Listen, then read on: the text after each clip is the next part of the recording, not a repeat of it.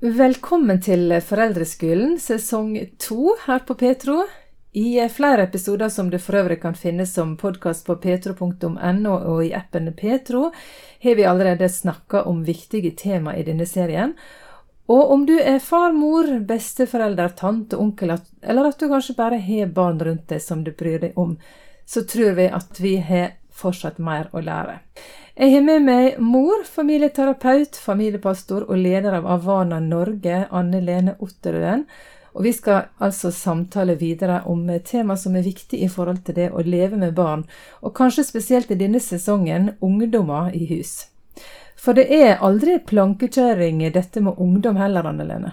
Nei, det er ikke det. Vi lever på direkten, sånn at livet kommer oss i møte med all slags fasetter i ulike faser. Sånn er det for oss voksne, og sånn tror jeg òg det er for ungdommene.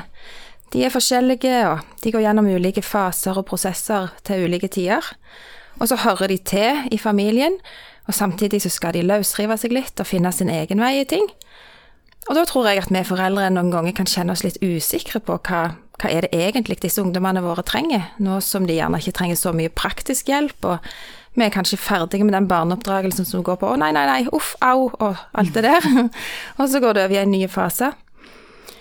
Men jeg tror at Iallfall for min del, hvis jeg blir usikker, så er det fort gjort å trekke meg litt unna. Men jeg tror at eh, vi gjør lurt i å finne gode arenaer nå òg for fellesskap med ungdommene våre, sånn at eh, vi kan få lov til å følge dem i hvordan de har det. For en ting er sikkert, de trenger oss jo fremdeles. Det er bare at det ser annerledes ut nå enn når de var små.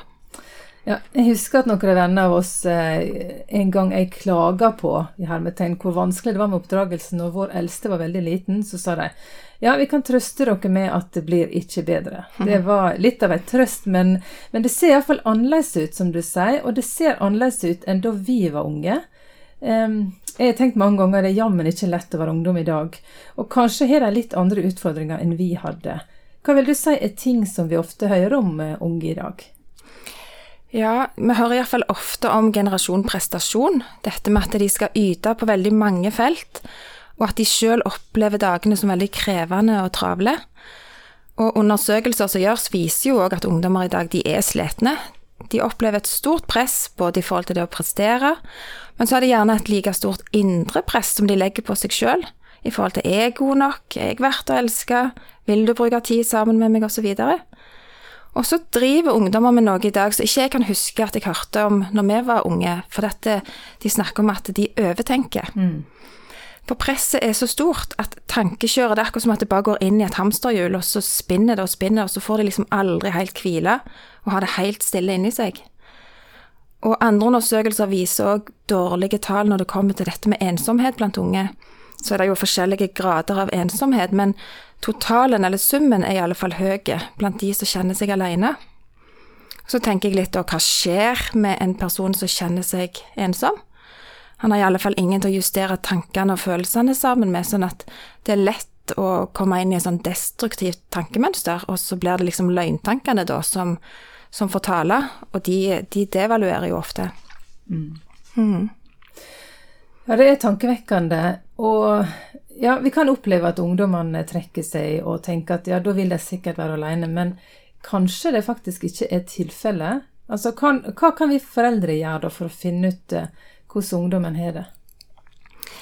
Ja, jeg hører mange foreldre som sier at ja, ungdommene de lever sitt eget liv, og nå har jeg ikke lenger så veldig mye oversikt over hva de holder på med, og hvem de er sammen med.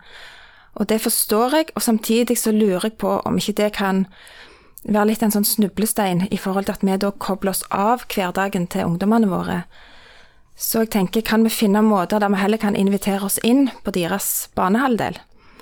Hvordan kan vi heller være opptatt av det de er opptatt av, holde oss oppdaterte på hva de liker? Og så har jeg veldig tro på det å bare vise dem at vi har lyst til å være sammen med dem. Du, jeg har hørt det der, eh, jeg hørt det der med at det er vi som voksne som har ansvar for relasjonen. Og det tenkte jeg på akkurat når du sa det der. At vi kan oppleve kanskje at ungdommene trekker seg litt. Tenker vi ok, du vil ikke ha meg med meg å gjøre akkurat her og nå. Men da skal vi invitere oss inn, sier du. Ja, det er vårt ansvar som, som voksne å ta ansvar for relasjonen. Eh, og samtidig så, så, kan det være krevende i møte med disse ungdommene. Ja. Men jeg tror at ett tips kan være det at vi Vi skal ikke invadere de, um, men de skal få lov til å trekke opp noen grenser i forhold til hva de vil dele med oss. Jeg tror de færreste deler alt med oss foreldre, det, da er vi litt naive hvis vi tror det. Men, men, det handler nødvendigvis ikke om det, da, at de skal dele alt. Men uh, det handler heller ikke om at de avviser oss og ikke trenger oss, så vi må ikke tenke den tanken heller. Mm. Og så må vi jo huske på at det er jo ingen av ungdommene våre som sender oss eh, skriftlig invitasjon akkurat med ønske om at kan du være så snill å bry deg. Mm. Eh, de sier det på helt andre måter, og min erfaring er at det skjer veldig ofte nonverbalt.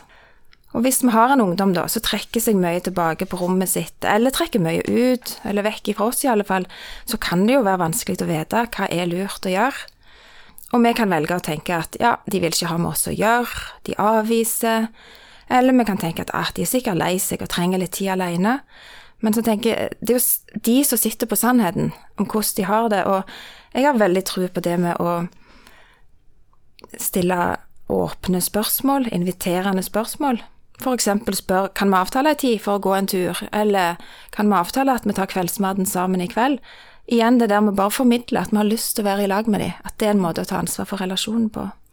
Du har et lite eksempel på på noe sånt, du? Ja, det går gjerne ikke på det at de trekker seg vekk og ut, men eh, en av våre ungdommer hun er langt over snittet glad i frukt. Eh, og så har hun tjenester som kjærlighetsspråk. Og hvis jeg banker på døra hennes når hun sitter på rommet og har timevis med lekser, og har med meg et eh, fat med litt oppskåret frukt på, som hun kan sitte og knaske på, da opplever hun at jeg bryr meg, og at jeg tenker på henne, selv om vi ikke sitter i samme etasje akkurat de timene. Så jeg tenker kan vi gjøre de der små tinga ofte, istedenfor å tenke at vi må ha en stor ting eller en mm. Viken vi skal på en sjelden gang? Men, men, det å hele veien invitere oss inn og bare vise at vi ønsker å ha relasjon.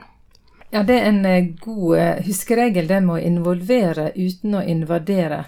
Men hva er den beste måten å involvere oss i hverdagen til ungdommene på, Anne Lene? For, for jeg har iallfall erfaring med at det gjerne ikke er akkurat når jeg har tid til å snakke, at de har lyst. Nei. Eh, for mange av oss så tror jeg at det å ha gode rutiner på noe litt, da, f.eks. det å spise middag sammen, at det kan være en god plass å oppdatere hverandre på, på dagen, hvordan en har det, hva en har gjort og hva en skal gjøre. Men så er nok min erfaring i alle fall, og mange med meg, at eh, hvis du vil høre hvordan ungdommene har det, mm. så må du faktisk være våken når de er våkne. Og av en eller annen grunn så er jo det ofte seint på kvelden, da. Mm. ja.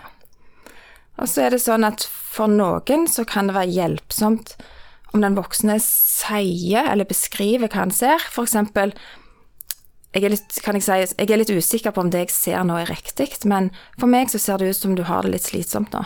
Stemmer det? Mm. Det kan være en grei invitasjon til at de sier litt mer om hvordan de har det. Men samtidig så er det veldig viktig at vi passer oss for å ikke si 'åh, oh, du ser så sliten ut'. Det syns iallfall jeg er veldig kjipt å høre når noen sier. det er ingen som syns det er kjekt å høre. Du, Hvis vi skal oppsummere det vi snakker om i dag, Anne Lene, så tenker jeg det må være at ungdommene trenger oss, selv om ikke det ser sånn ut. Mm. Og da har vi de tre i-ene, som fra nå av blir en huskeregel. det er vår oppgave å invitere oss inn, og involvere oss uten å invadere. Mm. Og neste gang i serien her så skal vi snakke om kommunikasjon.